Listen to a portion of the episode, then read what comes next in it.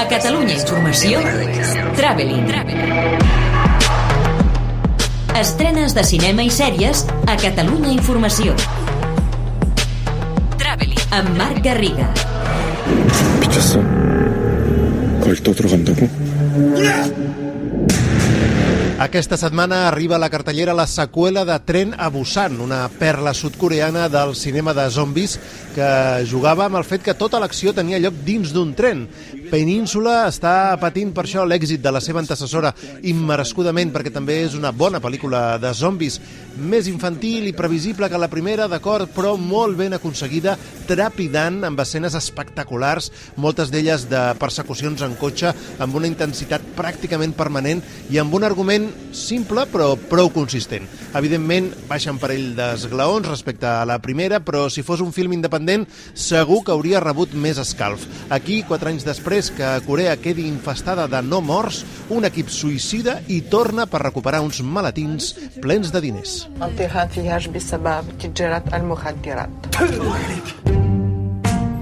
J'aime pas cet hôtel, j'aime pas cette chambre. Mama Maria no és una de tantes comèdies franceses, per començar perquè la seva protagonista és la inefable Isabelle Huppert.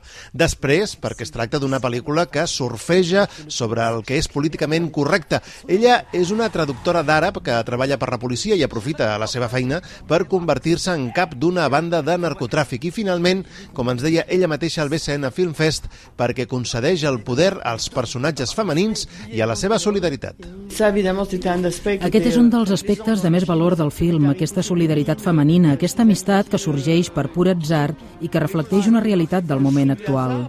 Provenen de cultures ben diferents, però malgrat aquestes diferències vitals, d'orígens, esdevenen molt amigues, molt solidàries, amigues no ho sé, però molt solidàries. solidaire. Ami, je sais pas, mais très solidaire.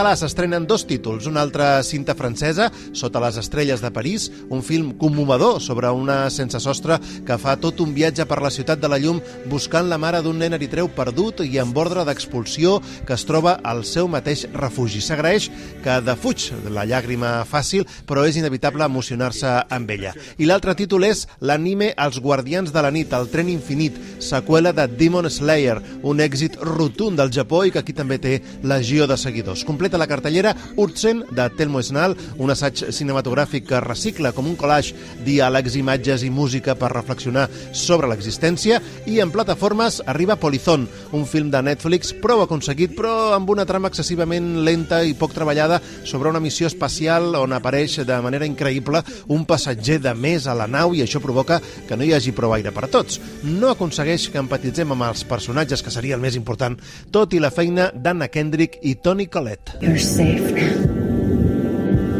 Tell me what happened in the phone.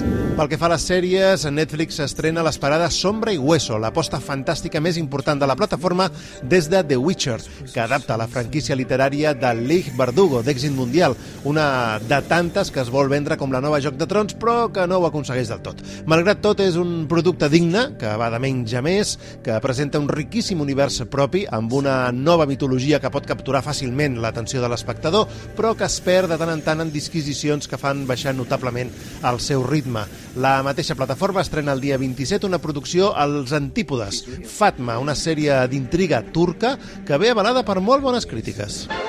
En Almería, la crisis de las cuatro bombas termonucleares ha terminado felizmente para todos.